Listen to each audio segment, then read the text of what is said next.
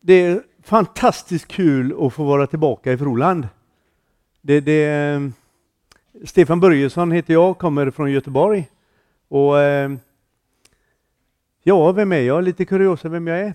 Eh, när jag var i eh, ungdomen, jag har rest runt och predikat i ungefär 25 år.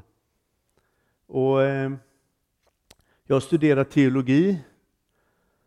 Jag söker Gud, vad, vad ska jag göra för dig? Och det, det, den processen fortsätter än idag. Jag försöker hålla mig till det jag upplever att han har lagt i mig. Och jag tänker den här helgen så vill, eh, vill vi, vi känner på något sätt att vi ska komma och vara tillsammans här för att upptäcka vad Gud vill göra i våra liv.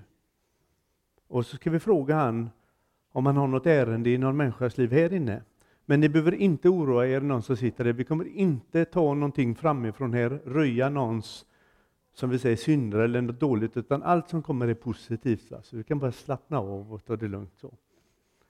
Eh, när jag började min vandring och började vandra med Jesus så tyckte jag liksom att livet började bli lite spännande då det började hända lite saker. Jag var ganska ung, jag kanske var runt eh, 20, 18-20 år. Så var det en eh, predikant i Göteborg som skulle upp till eh, en kyrka och ha en samling för eh, konfirmander. Och så bad han mig att följa med för att hjälpa till och be för människor, ungdomar om någon vill ha förbön. Så sa han till mig så här, du kan väl också be lite grann och lyssna in om Gud vill ha någon hälsning till någon. Och jag var väldigt nervös och tänkte liksom, hur ska det fungera? Vi åkte upp till kyrkan och eh, när vi kom in där så var kyrkan ja, halvfull, 10-20 konfirmander och så några präster. Och så började vi ha lite undervisning och då skulle jag berätta om min väg, hur jag mötte Jesus och när jag blev så kallad frälst och började följa honom och sådär så sa jag så här att jag tror på en Gud som är intresserad av oss. Och Jesus Kristus har ett ärende i alla människors liv. Och medan jag står där så fick jag som ett ord till mig i mitt sinne, kom som en tanke. Vi kommer prata om detta mer imorgon, om hur det här fungerar, det profetiska och de här delarna. Men eh, då, i alla fall när jag stod där, så fick jag som en tanke att det var en ung tjej som hade eh, mardrömmar. Hon drömde på natten och kunde inte sova. Och så sa vi att om du finns här inne så, så ber vi gärna för dig efteråt. Och fram kommer en ung tjej och vi tog fram olja, smörjde med olja och bad böner för henne för att hon sov så dåligt. Och det var inget mer med det. Ett år senare var vi kallade till samma kyrka. Så när vi kommer dit så är kyrkan helt smockfull. Det var en sån svensk kyrka, det är samma med Norska kyrkan, Svenska kyrkan, det är samma va? Ja, en sån här stenkyrka, väldigt stor kyrka. Den var helt full. Och det satt två bänkrader med präster där bak alltihopa och vi undrade, vad är detta? Då var det en tjej som kom fram och sa, jag ska hålla ett vittnesbörd vad Jesus har gjort i mitt liv. Ni bad för mig förra gången ni var här. Då berättade hon att hon hade haft mardrömmar. Ja, det var ju du, ja, du kommer ihåg det. Ja, sa hon, men det hände en annan sak som ni inte visste om. Det var som så här, och det här är några år sedan, så jag vet inte om ni ungdomar vet vad en overhead är? Nej. Gary, du har säkert en sån hemma i källaren. Ja, du får visa det någon gång. Så. Det är som en, eh, vad ska man säga, en projektor. Men, man skrev på, på papper och lade det på, så såg man det på väggen. Det var riktigt high tech. Det var väldigt... Ja. Då hade hon med sig en röntgenbild som hon hade fått av en läkare utskrivet. Då var hon född med ett fel i ryggen, så hennes kotor i ryggen var snea. Så la hon upp den overheadbilden på och så tog hon en annan bild och la, den här har läkaren skrivit ut. Och då stod det helad och så frågetecken. Han sa, jag vet inte vad som har hänt för det här kan inte hända. Din rygg har blivit rak. Och det blev hon när vi bad för henne i Jesu namn. Och eh, Det här gjorde ju någonting med en. Det här skapade någonting med Vad hände? Liksom så här? Och Det är den här guden vi tror på, Jesus Kristus, som möter oss, möter våra behov. Och vi kan inte utlova att det händer, men vi måste tro på att han vill hjälpa oss. Och Här började min vandring lite grann med den här Jesus. För Jag tyckte det blev så spännande. Kan man verkligen lyssna in och höra vad du säger och har ett ärende in i människors liv? Det här blir det enormt spännande. Så vandringen börjar ju där för mig och börjar lyssna in. Vad säger du Gud? Vad vill du göra idag? Och så vidare. Då. Och Det som är, när man pratar om det med kristna och alltihopa, så här, det mest fantastiska, det är ju som att vi som sitter här inne, alla som tror på Jesus Kristus, den dagen han kommer tillbaka, när det nu blir, det vet vi inte, men när han kommer tillbaka så kommer han hämta oss. Och så kommer vi få vara tillsammans i en evighet. Det är ju det som är det mest fantastiska, det är att vi får leva i den här evigheten. Alltså Jesus Kristus, han kom hit till jorden. Det står i Johannes 3.17. Han kom hit till jorden, inte för att döma världen, utan för att ge världen frälsning. Alltså han har kommit för att rädda oss. Och då tänker jag som så här, jag kan inte leva i en fruktan för Gud och vara rädd för Gud. Utan jag får ju leva i en gemenskap med honom där jag vet att han hjälper mig, han tycker om mig. Han vill skydda mig, han vill mitt bästa. Hur jag än beter mig och hur jag än är, liksom så, här, så vill han alltid väl. Han vill alltid skydda oss, han vill alltid hjälpa oss. Och så här. Sen så vet ju inte vi alltid hur det blir. Men när man säger ja till Jesus, det är inte som säger att pang så får vi all världens kunskap om det. Men när vi säger ja till honom och tror på honom, då bekänner vi oss till honom och då tillhör vi honom och då får vi följa med på den här festen som han förbereder. Det är väldigt enkelt egentligen att bli kristen och, och leva det livet.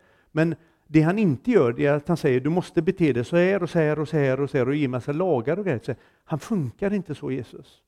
Vi får ju vissa förhållningssätt som Bibeln säger som vi ska hålla oss till. Men han är våran vän. Han bryr sig om oss. Han vill att vi ska komma i en glädje och en gemenskap. Och hur känner vi honom då? Hur kommer man in i de här sakerna? Hur börjar vi höra han? Hur börjar vi se saker? och så här? För när vi pratar om de andliga dimensionerna, då börjar det bli lite konstigt ibland och då tycker vi ibland i kyrkan att det här är onaturligt. Precis som det jag berättade innan är, så kanske en del tycker liksom så här, men kan man höra Gud, kan han hela upprätta och liksom så här. Jag har tagit fram lite statistik. Gillar ni statistik i Norge? Det har vi i Sverige, det får man statistik på allting, ni vet som så här. Ja, man räknar och grejer och har sig så här. Då är det som så här att man har gjort en undersökning i andlighet. Hur intresserad är människor av andlighet? De senaste åren, fem, sex åren så, här, så har det släppts ungefär 120 stycken filmer om superhjältar. Ni vet de här eh, typ Geir och, och ja, Steinove och ni vet de här superhjältefilmerna. Ja, Stålmannen och ja. Och sen har det släppts eh, lite andra filmer om Alien, det övernaturliga. Ungefär 60 stycken filmer, 70 filmer. De senaste tio åren har det släppts mer än 150-200 filmer som handlar om häxor, trollkarlar, spöken, det övernaturliga, sånt vi inte kan se, poltergeist, eh, hur mycket sånt här som helst. Liksom det som skapar en liten nyfikenhet men en rädsla i oss. Harry Potter, ni vet den där lille killen med trollspöet. De har tjänat ungefär 7 miljarder dollar på de filmerna. Det är vi, vi betalar det här. Är ni med? Böckerna har sålt i 400 miljoner exemplar. Sagan om ringen har sålt i över 100 miljoner exemplar. Sen finns det en Twilight-serie som har sålt för över 43 miljoner. Alla, det är så här. Och det är, det är det här vi människor håller på med. Vi söker oss in i det onaturliga, övernaturliga. Det är enorma summor som vi satsar i det här. Och så berättar vi från kyrkan, så säger vi ber för människor. Man kan få ett ord om framtid, man kan bli helad, upprättad. Då blir man skeptisk och tycker det är konstigt. Ja, jag vet inte om vi är så konstiga i kyrkan. Va? Då tänker jag som så här, om människor där ute är så enormt intresserade av det andliga, då tror jag att det finns en längtan och att Gud vill möta upp detta behovet i människor. Och vi i kyrkan brukar kalla det för det profetiska, eller höra Gud, kunskapens ord och, och vidare. Liksom så här. Och den här helgen kommer handla väldigt mycket om de här sakerna. Så du behöver inte bli orolig om du sitter här att vi inte pratar om frälsningen och Jesus säger, det är självklart, det är ju nummer ett, det är ju, det, det är ju därför vi är. Men sen har vi ett liv med Jesus som handlar om det övernaturliga, om saker vi inte kan se. Han tar in oss i skeenden som där vi kan, vi kan alltså höra från himlen och hjälpa människor så det blir ordning i livet. Nu under den här pandemin, jag vet inte om ni har det i Norge, vet jag, men i Sverige så har vi någonting de kallar för covid-19 som har sett skräck i ett helt folk. Vi är livrädda i Sverige. Ja. Första veckan när det hände, det är nämligen så här att eh, jag har jobbat som, som eh, pastor och reseförkunnare, liksom så här. men eh, ungefär för ett och ett halvt år sedan så, här, så lade locket på. Då vågade vi inte ens gå innanför kyrkdörrarna. Nej, vi lydde staten och sa nej, det får vi inte. Så stänger vi här och går hem och så sätter vi oss. Och vet du vad vi gjorde? Vi åkte till affärerna och tömde hyllorna på toalettpapper och spaghetti och ris. Så nu har vi suttit hemma i ett och ett halvt år och käkat dasspapper och ris. Och varit jätterädda. Sådana är vi. Men vet ni vad det här har gjort mer med människor? Det här har sett människor i en ensamhet. Det här har skapat fruktan i människor. Det här har bundit människor. Det här har gjort så att man har blivit lite distanserad till varandra. Det är en fruktansvärd sjukdom, det säger jag ingenting om för jag kan ingenting om den. Det enda jag har gjort är att ta ett vaccin. Och jag lägger inte någon, något ansvar på någon som inte tar det, så att säga, utan det är upp till var och en. Liksom så här.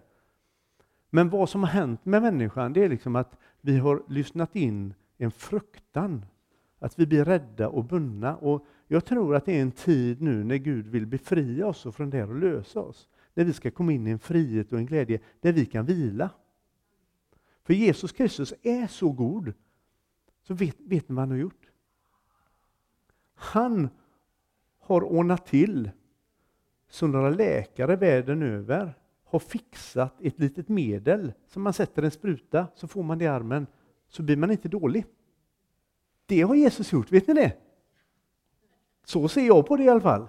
Jag pratar med andra som säger, ”passa dig, du blir magnetisk och du vet, det är en gubbe som heter Bill Gates som sitter på andra sidan jorden. Tar du den sprutan så ser han vad du gör, Stefan. Då ser han när du, du sitter och kollar på iPhonen och käkar glass och, och nu ser han att du är i Froland. Har ni hört? Läskigt va?